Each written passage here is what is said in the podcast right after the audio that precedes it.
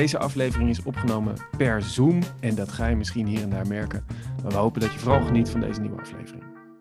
Welkom bij Digital Waves. Mijn naam is Marcel, ik ben presentator van de podcast. En in elke podcast hebben we het over uh, ondernemingen, over technologie. En deze podcast gaan we het hebben over dating en artificial intelligence. En als ik daaraan denk, aan uh, hoe je met software of algoritmes of met uh, big data een leuke date en uiteindelijk wellicht je toekomstige partner kunt gaan vinden, dan denk ik dat kan toch veel romantischer. Moeten we elkaar niet gewoon ergens tegenkomen toevallig bij de tuinen van Versailles en uh, precies hetzelfde beginzinnetje uit een liedje neurien en dat dat dan de match voor het leven is. Maar misschien is dat iets te romantisch. En misschien kunnen uh, algoritmes wel veel beter voorspellen wie er bij ons past dan dat we dat zelf denken te kunnen. Want doen we niet heel veel dingen zonder er echt goed over na te denken. En uh, nou ja, daar gaan we het vandaag over hebben. Ik ga daarover praten met Brechtje Jonkhart, relatietherapeut en individueel coach. Welkom Brechtje. Dankjewel. Hartstikke en leuk. met uh, Daan Alkemade. Hij is vice president matchmaking bij Breeze. En Breeze is een dating app uit uh, Delft. Zeg ik dat goed, Daan? Ja, klopt. Ja. Ja, we, we, gaan het dus hebben over dating en artificial intelligence. Uh, Brechtje, als je daaraan denkt, wat komt er dan bij je op? Uh, ja, een beetje zoals jij begon. Goh, zou het niet in het echt moeten zijn en dat je elkaar tegenkomt en diep in de ogen staart en dan denkt, oh, dit is hem of ja. haar. Um, maar goed, ik weet ook dat dat uh, um, misschien heel vaak helemaal niet zo gaat. En ik denk dat dit een hartstikke interessant onderwerp is voor de toekomst om uh, te kijken ja, hoe het ook anders kan, want we gaan toch wel die kant op. Ja. Daan, is dit een vraag die je vaak krijgt of een opmerking die je vaak hoort? Um, ja, ik ben natuurlijk zelf veel mee bezig. En ik heb ook nog wel dat dit heel, heel normaal voelt natuurlijk voor mezelf. Omdat het nu allemaal met apps en zo gaat en met de algoritmes. Dus af en toe het van juist nu ook wel leuk om eens te reflecteren op hoe normaal is het echt. Ja. Ja. We hebben afgesproken alle drie iets mee te nemen. Stelling, iets van een, een nieuwsberichtje, uh, whatever. Uh, berichtje, wat, wat heb je bij je, om het zo maar te zeggen, waar we het straks over kunnen hebben? Ik heb een uh, beroemde uitspraak meegenomen van Esther Perel. Dat is ook eventjes een beroemd relatietherapeut, voor de meesten wel bekend. En die wil ik inbrengen. Moet ik hem meteen vertellen? Of ja, zeg maar. Ja. Oké. Okay. Tell me how you were loved and I will tell you how you make love. Oké. Okay. Praten we zo over verder. Wordt vervolgd, ja. ja. Daan, wat heb je meegenomen? Um, nou, ik heb niet in de vorm van een artikel, maar ik zou dus graag willen hebben over de vraag of een algoritme slash relatietherapeut het beter kan weten dan jezelf. Oké. Okay. Ik, uh, ik, ik wilde het hebben over uh, een aflevering van Black Mirror. Een uh, ja, bekende Netflix-serie waar veel technologie een belangrijke rol in speelt. En waar in een van de afleveringen Hang the DJ heet, geloof ik. En uh, daarin uh, matchen ze twee mensen aan elkaar. En dat gaat via een heel ingewikkelde software, die volgens mij heel ver in de toekomst ooit misschien wel een keer mogelijk uh, is. Maar spoiler alert, aan het einde van de aflevering zie je dat alle belevenissen die de mensen, die het paar meemaakt, zeg maar, allemaal fictief waren. En het is dus uiteindelijk slechts een berekening geweest die in een halve milliseconde is gemaakt toen ze elkaar zagen in de kroeg en dezelfde app op hun telefoon hadden staan. En die app zei, dit is een 99,1% match, dus je moet bij deze gast gaan staan, want dan krijg je dus alles wat er net berekend is. Daar wil ik het over hebben, namelijk de vraag, ja, is dat, uh, is dat mogelijk? Of is dat ver in de toekomst? Of is dat eigenlijk helemaal niet um, iets wat we moeten verwachten van software? En hoe romantisch is het? Ja, waar zullen we beginnen? Nou, wat mij betreft bij de software.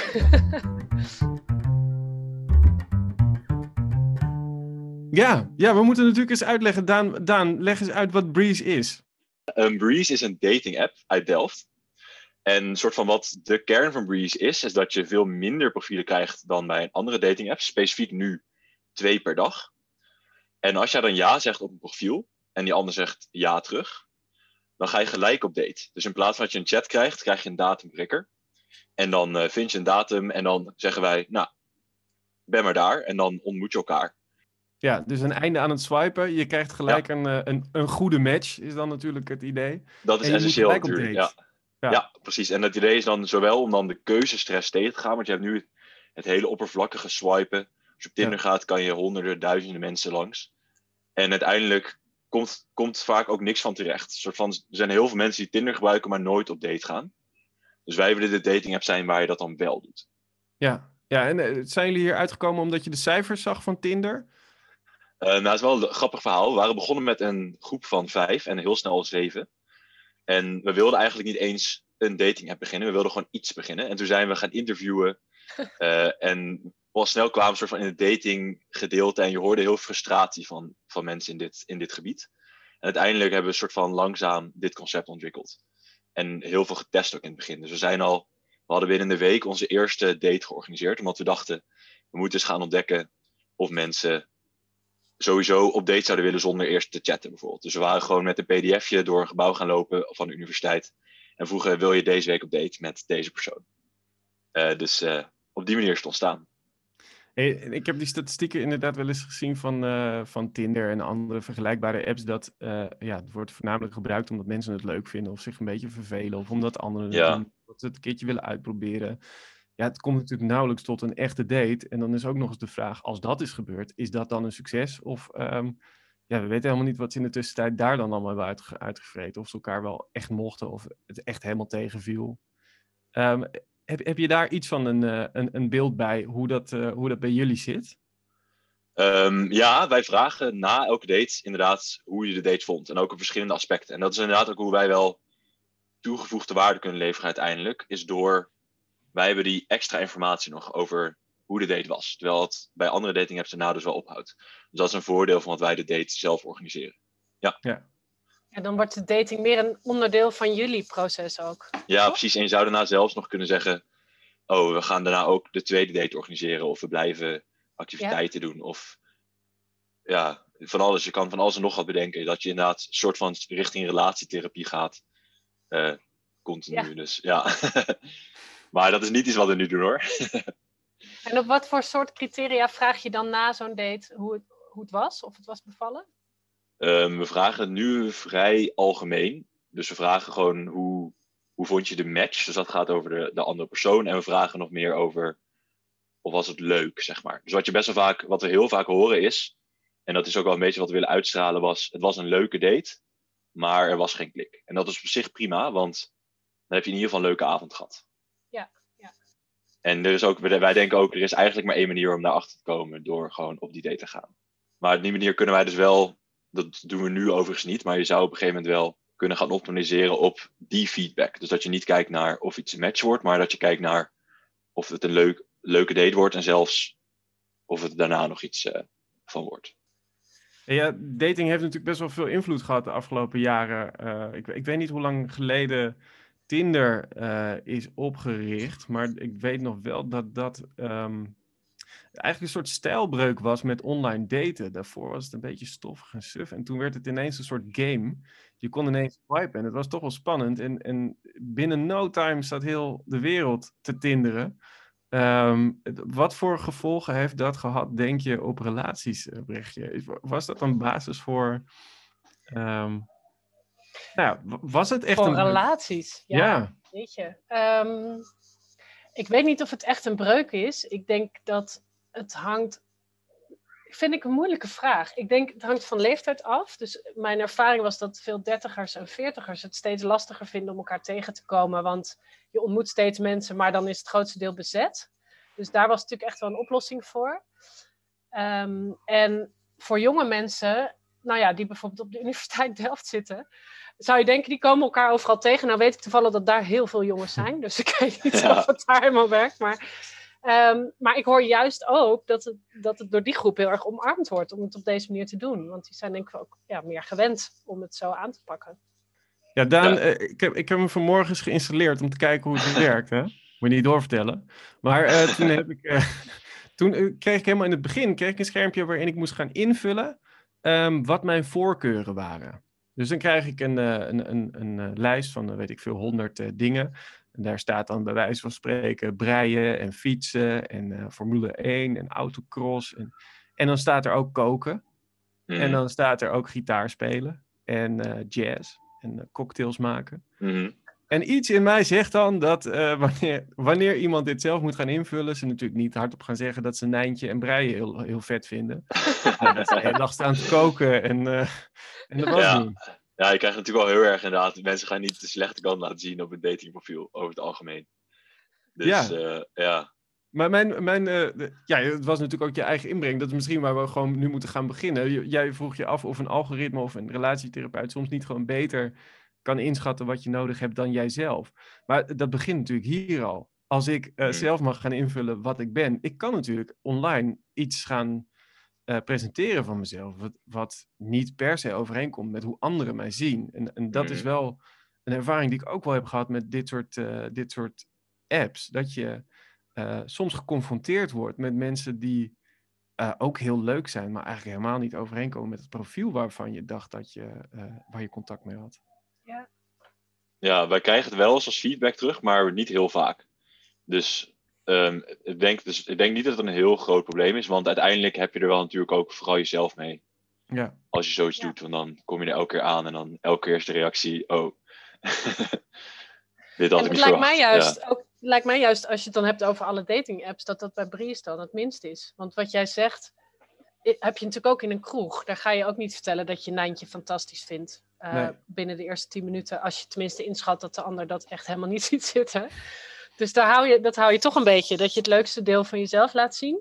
Mhm. En ik denk dat we op gewoon menselijk niveau best wel in staat zijn om ergens doorheen te prikken. En jullie sturen juist mensen op date. In plaats van Ja. eindeloos in die sfeer hangen waar je echt iemand van alles en nog wat wijs kan maken. ja, precies. De waarheid komt snel uit het licht, zeg maar. Ja. ja, Ja, dus ja, goed punt. dat lijkt me wel een goede juist. Ja, klopt. dan- Dat zo, ja, zo zien wij het ook inderdaad wel echt. Dat je soort van. Dat de chat uiteindelijk niet zoveel toevoegt. Omdat je toch best wel oppervlakkig blijft. En inderdaad. Ja. ja je kan het heel erg framen naar hoe je wil. Ja.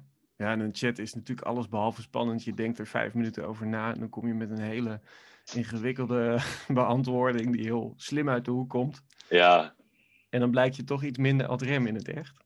Ja, klopt. En je moet het leuk openen en zo. En eh, ja. Maar geef eens antwoord op je eigen vraag. Want jou, jou, jouw vraag, je vroeg je eigenlijk af. Ja, kan ik een relatietherapeut of een heel slim algoritme niet gewoon beter inschatten wie ik nodig heb dan ikzelf? Wat denk je zelf?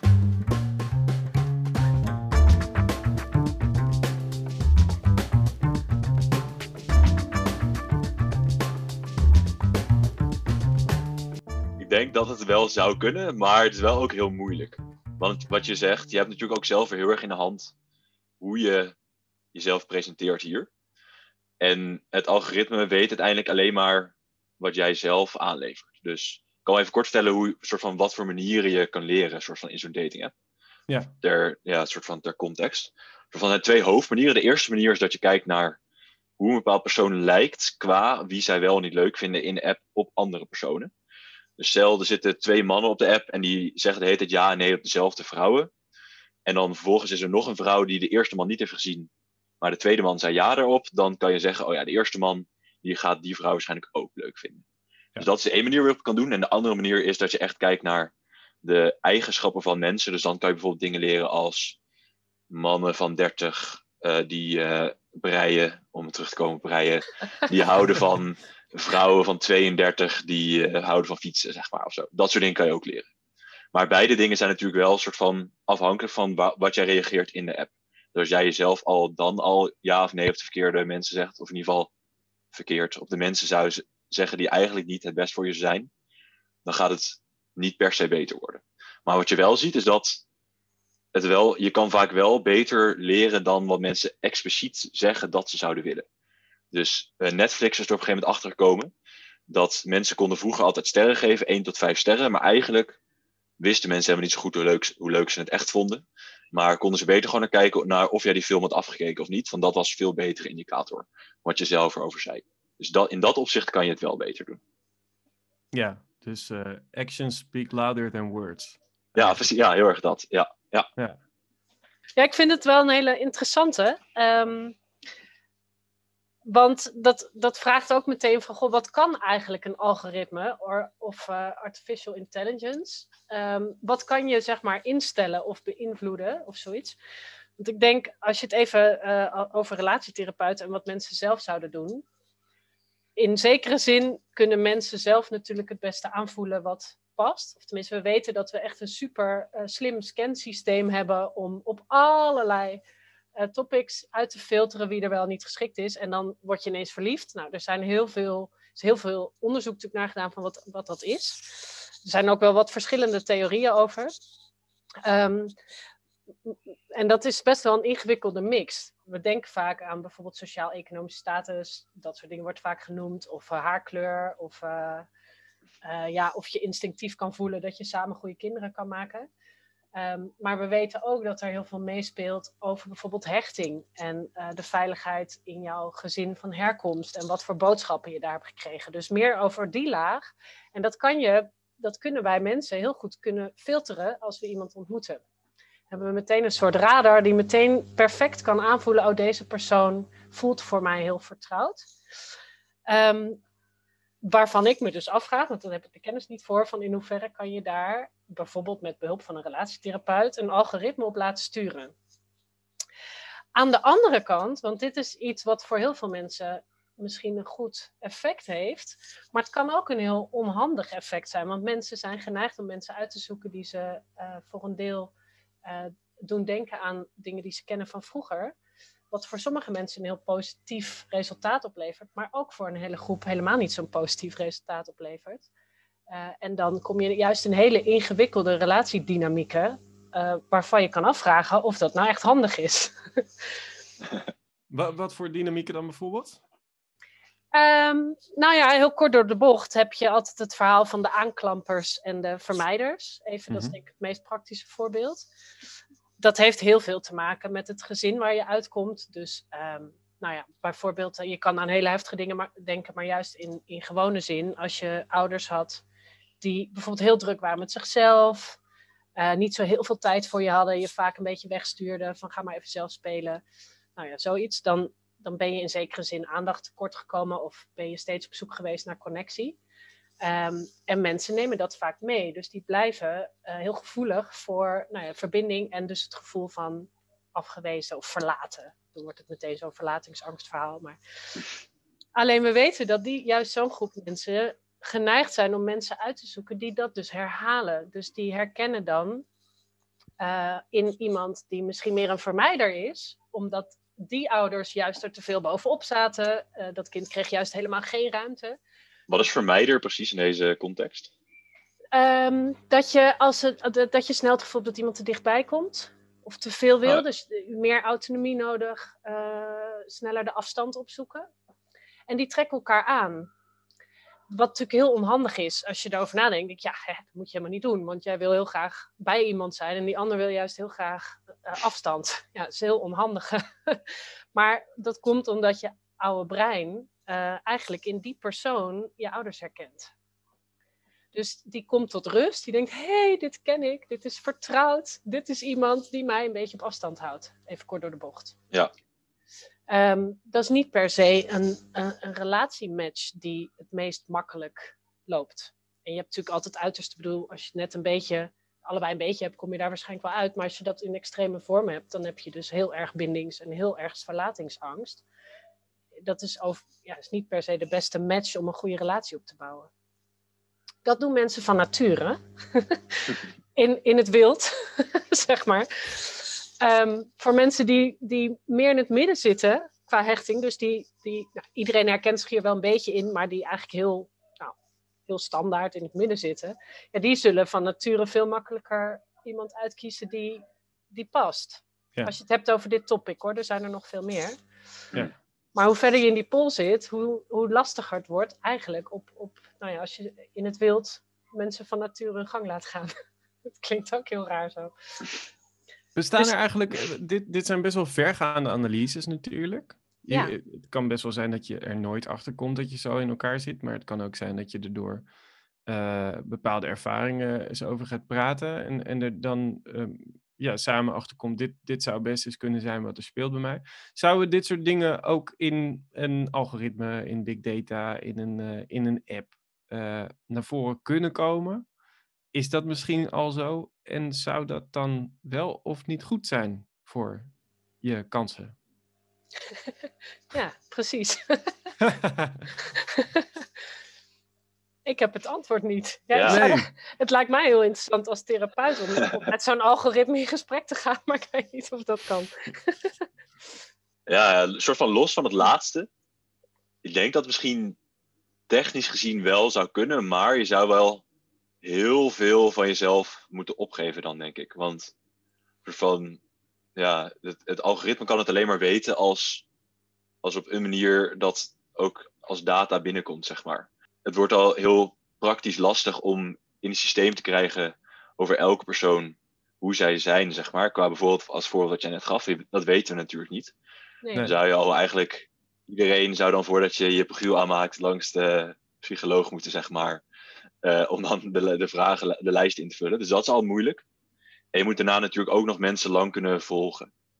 Ja, aan de ene kant snap ik je wat je zegt, maar aan de andere kant uh, uh, is het natuurlijk wel zo dat veel um, data die wij uh, uh, rond laten slingeren online worden geanalyseerd door allerlei bedrijven die daar baat bij hebben. En dus advertenties mm. schrijven waarvan ze zeker weten dat je erop gaat klikken. En uh, nieuwsbrieven op ja. afsturen, omdat ze al weten dat je, nou ja, dat is de, de bekende voorbeelden zijn er natuurlijk van de uh, zwangere minderjarige dochter met een uh, kwade vader die de Walmart opbelt en zegt, hoezo krijgt mijn dochter allemaal babyspullen ge geadverteerd, want ze is toch niet zwanger. En twee weken later blijkt ze inderdaad zwanger. En dat wist het algoritme al eerder dan de familie.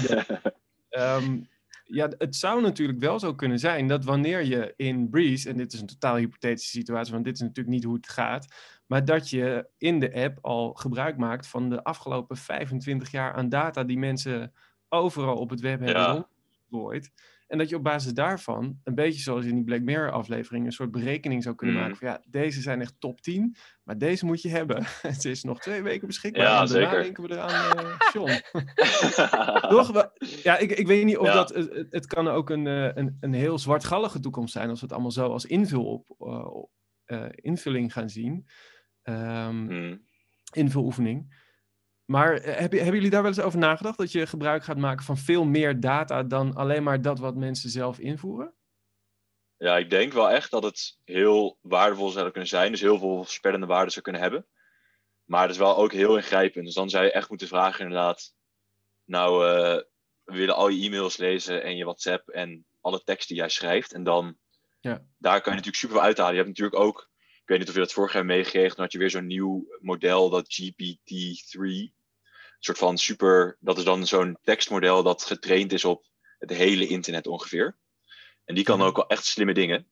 En dan lijkt het al bijna als een soort van. alsof, er echt, alsof die echt kennis heeft, zeg maar. Ja. Maar dat zegt natuurlijk heel veel over alles wat jij schrijft. Ja, dat kan, dat maakt jou natuurlijk wel. Dat zou geanalyseerd kunnen worden. Ja. ja.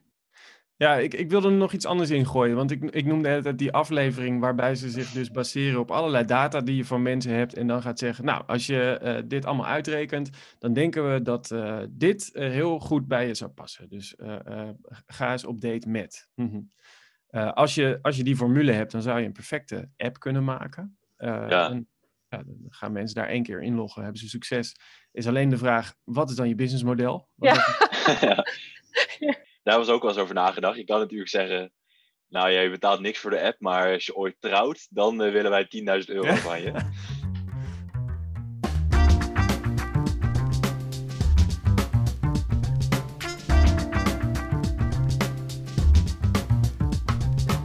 Brechtje, zijn we aan jouw uh, punt al toegekomen? Uh, ja, deels. Ja. Tell me how you were loved and I will tell you how you make love. Ja, dat gaat natuurlijk voor een deel over die hechting. Ja dat we weten dat je eigenlijk op zoek gaat naar iemand die, uh, die vertrouwd voelt. Dus die kenmerken heeft van jouw ouders en jouw thuissituatie ten opzichte van hoe veilig het daar was en uh, hoe verbonden. Dus dat hebben we net wel een beetje gehad. Um, het schijnt ook dat we uh, vaak kenmerken in een ander zoeken. Um, die ons aanvullen. Dus delen van onszelf die we niet helemaal konden ontwikkelen. Ja. Doordat we natuurlijk allemaal boodschappen krijgen thuis, waar je een beetje aan. Of je voelt als kind aan hoe je hoort te gedragen en andere dingen kunnen niet. En dat we bijvoorbeeld vaak wel een partner zoeken die die stukken wel heeft. Um, dus ja, daarom had ik deze quote meegenomen. Omdat ik het zo interessant vind. Goh, als dat ook allemaal mee kan in dat online, dan biedt het volgens mij ontzettend veel kansen om echt een heel ultiem, ja, ultiem um, pakket of zo aan te maken. Ja, heb jij soort van, hoeveel vertrouwen heb jij in van die, je hebt heel van die zelftesten over bijvoorbeeld MBTI ken ik, over Dat je van die vragenlijsten invult en dan komt eruit, zo ben jij. Zou jij daar vertrouwen in hebben als soort van input van een, van een dating app algoritme? Uh, het, dat zou kunnen, dat is het wel waard. Denk ik, een pakketje van dat soort dingen bij elkaar pakken om, om daarmee een soort profiel aan te maken wat dan matcht met een ander. Het klinkt alsof het een stuk dieper gaat en daarmee ook waardevoller is dan wanneer je op basis van uh, 4,5 foto van een stukje natuur, een motor en een uh, cakeje ja. oh, nee, en blond haar. Ja, precies. ja, nou ja, ik hoor vaak stellen ook wel zeggen, nou, uh, ik had van tevoren nooit gedacht dat ik op hem of op haar zou vallen. Dat was niet het beeld wat ik had vroeger, toen ik, weet je als, als meisje van acht dacht, ik ga later trouwen, had ik een heel ander beeld in mijn hoofd. dus als je op zoek bent naar dat beeld, nou, blijkbaar in real life uh, komt het vaak heel anders uit, met wie je dan dus eigenlijk wel goed matcht. Ja. Hmm. Dus het lijkt mij zo boeiend dat je een soort je krijgt er iets bij. Ik weet niet of je de mensen zelf eruit moet halen. Eh, gewoon moet zeggen, joh, weet je, wij nemen het helemaal van je over. wij weten het beter. Want dat is natuurlijk niet zo. We zijn dus blijkbaar heel, onze breinen zijn supergoed in staat om, om heel snel te, te schiften op wat wel niet in ieder geval goed aanvoelt. Um, maar we weten ook een heleboel van dat soort processen. En, en voor veel mensen zullen daardoor eigenlijk instinctief niet zo heel erg goede keus maken. Dus dan zouden dit soort profielen misschien wel een hele mooie aanvulling kunnen zijn. Op zijn minst voor mensen die heel erg struggelen met het vinden van een. Ja. Ja. Maar dan zou je op basis van die theorie zelfs kunnen zeggen dat je een, uh, een app zou kunnen maken op basis van die achtergrond. En dan uh, denk ik even aan de mensen die je zeggen: Ik had helemaal nooit gedacht dat ik op hem of haar ooit verliefd zou kunnen worden. Dus je kunt die hele foto's kun je weglaten en alle voorkeuren kun je weglaten. Je zegt gewoon om vijf uur vrijdagmiddag op uh, dat en dat plein.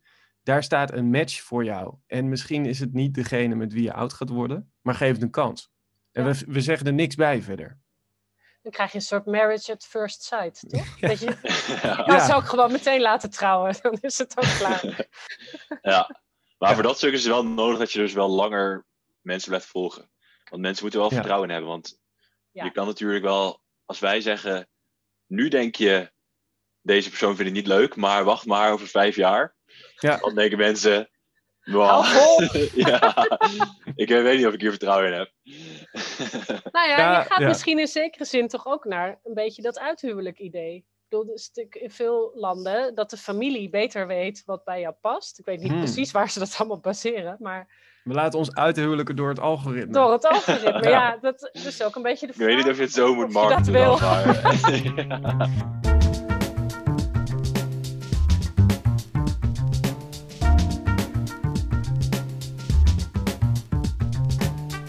Ja, en, en waar ik dan altijd aan moet denken is dat uh, wanneer je tindert, ben je toch ook aan het, uh, aan het uh, nadenken over wat je precies voor handelingen doet. Want je hebt ook door dat dit wordt geregistreerd door een zelflerend algoritme. Dus mm. wanneer ik veel natuur naar weggooi, dan, dan, ja, dan is het waarschijnlijk zo dat ik minder natuur in de foto's terug ga zien in de volgende ja. Mm. profielen. Dat is in ieder geval iets waar je over na zou kunnen denken. Um, dus op die manier ja, zijn die zelflerende algoritmes toch ook weer overgeleverd aan data die ook weer bewust of niet bewust wordt beïnvloed door de gebruikers van zo'n app. Dus daar zit toch altijd weer iets problematisch in. Ja, ik heb ook inderdaad, je hoort wel eens inderdaad, ik hoorde van iemand op Breeze die dan zei, ja, ik, ik kreeg iemand en ik, ik vond haar leuk, maar ik had al met haar gedate, dus ik ging niet nog een keer nu ja zeggen. Maar ik wil ook niet dat het algoritme denkt, dat ik haar niet leuk vind. Want ik wil eigenlijk wel meer van, van haar... Uh... Een vergelijkbare profiel. Ja, zie ik wel. Ja, ja. precies. Moet een noodknop hebben. Ja. Ja, is het dan niet, omdat we hadden het net even over zo'n mix maken, toch? Van dat je uh, een soort gradatie hebt in hoeverre je over wil laten aan het algoritme. Ik denk hoe helderder het is hoe het werkt, eigenlijk hoe transparanter en eerlijker het is, van dan kan je het uh, gebruiken als een toegevoegde waarde maar wordt het minder gevaarlijk van uh, we take over your life. Zeg maar. Ja, precies. En Big Brother is watching you. ja, zeker. Het is wel interessant. Wat ik ook nog wel boeiend zou vinden, ik, ik pleit er altijd heel erg voor dat, uh, of pleit, maar um, ik heb vaak ook wel vaak jonge stellen die eigenlijk heel gelukkig met elkaar zijn, soms helemaal niet zo lang samen, die zeggen, joh, we hebben het zo naar ons zin, we willen graag alvast een beetje onze relatie onder de loep nemen of versterken. Ik noem dat altijd APK'tje, zodat we alvast kunnen kijken waar liggen straks mogelijk de, uitgang, de, de uitdagingen. Ja. Daar zie ik hier ook heel veel kansen. Dus stel dat je dan op een gegeven moment zo'n match hebt waarvan het hele algoritme zegt, ja, dit is het helemaal, die mensen ook helemaal verliefd. Dan kan je ook al volgens mij meteen uitrekenen, oh ja, maar, maar op de lange duur zijn er ook een aantal punten die misschien nog wel Ja. spanning gaan opleveren. Ja. En meteen bij wijze van spreken een rapport geven van, nou, De weet je, doe- specificaties met de recensies erbij, zeg maar. ja, Ja. ja. Maar zo, het is zoveel makkelijker om uh, in het begin van je relatie, als het allemaal niet heftig is, of misschien nog niet eens aan de hand Ja. is, alvast te denken van, joh, stel nou, ik bedoel, ik had het net over aanklampers en vermijders. Ehm, toevallig op basis van eigen ervaring kwamen wij erachter al to- heel, heel vroeg in onze relatie dat we alle twee in principe een vermijdend karakter hebben als het erop aankomt. Dat is helemaal niet erg. Maar toen hadden we wel een gesprek van stel dat er ooit echt problemen komen. Wij, wij zijn geneigd om alle twee weg te lopen. Mhm. Ja, dan, dan wordt het natuurlijk heel stil. Ja. En dat heeft heel veel zin om alvast zo naar je relatie te kijken. En Ja. ehm, dat kan je ook doen zonder algoritme. Maar ik denk als het toch al is uitgerekend, kan je dat net zo goed meenemen. ja. ja, wel veel potentie. Ja, Daan, waar gaat eh Bries de komende jaren heen? Ehm, ja, we willen heel groot worden. De nieuwe Tinder. nee, eh, eerst de komende tijd nog in Nederland. En verder willen wij wel ook eh, op termijn naar het buitenland. Bijvoorbeeld Duitsland, Verenigd Koninkrijk. En dan specifiek beginnen wij ook eh, dan in steden over het algemeen. Ja, ja, ja, want ik zag al, je bent nu met name in de Randstad actief. Ja, klopt. En we hebben nu net wat gelanceerd eh gisteren. Ja. Over dat het makkelijker wordt om ook in soort van nieuwe steden alvast iets op te zetten. Want je hebt natuurlijk, wij hebben last van, van netwerkeffecten in de zin van... Precies. Ja. Het heeft pas zin om op Breeze te gaan als andere mensen daar zitten. Dus als jij als enige Ja. ergens in jouw dorp op zit, dan heb je er niks aan. Nee, en dat versterkt zichzelf ook natuurlijk. Op het moment dat er meer eh, eh, gebruikers zijn, is het ook zinniger om die app te kiezen dan de andere Ja. apps. Ja, en verder zijn we er gewoon nog heel veel bezig met het product ook verbeteren. Dus we zijn heel veel bezig met feedback van gebruikers en daarop itereren, heel veel experimenten aan doen. Want nu is het nog, wel steeds, nog, wel, nog steeds wel de fase dat we makkelijk belangrijke dingen kunnen veranderen. Om een soort van echt het, ja, het beste kunnen te kunnen leveren. Ja.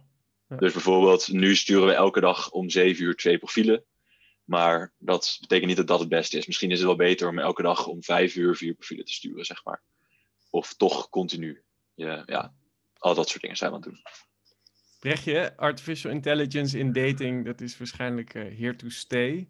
ja. Hoe, hoe zie jij dat voor je komende jaren? Eh, ja, ik denk dus wel dat het kansen biedt. Tenminste, het lijkt mij wel heel interessant om dat eh, eh, verder uit te rollen of te zoeken. Ehm, maar ook dat het dan vooral kansen biedt als je, als je dus iets toe kan voegen op wat mensen niet misschien al van nature invullen, zoals blond haar en eh, nou ja, Mhm. Ja. dat soort oppervlakkige dingen. Ja. Eh, dat als je die diepere laag kan vinden, die meer in de, vanuit de psychologie ehm, komt, Ja. eh, dat het dan echt ook nog eens iets toevoegt. Misschien zelfs wel op natuurlijk daten. Ja? Ja, en denk je dat mensen daar dan grof geld voor gaan verdienen, eh, eh, voor betalen? Want het, Aan gaan verdienen. Ja. ja, ook. Nou kijk, wat het natuurlijk is, is Oh, ik denk dat mensen. veel om Als, het te ontwikkelen. oh, volgens mij doen mensen heel veel om, eh, om een goede match te vinden. Ja, ik denk als je het echt kan waarmaken, als jij eh, het bedrijf bent die eh, met 100% garantie de liefde van je leven levert. Nou ja, Ja. daar hebben mensen wat voor over, denk ik. Dat lijkt, me, dat lijkt me problematisch als iemand terugkomt en zegt, het is niet gelukt. Nou, bewijs dan dat het niet is gelukt. Ja, precies. ja, Ik ben wel benieuwd hoe lang je garantie dan duurt. En of je ja. dan ook nog wat relatietherapeuten meeneemt. Ja. ja 14 dagen eh, roepingsrecht. Ja, 14 dagen. Oh ja, oké.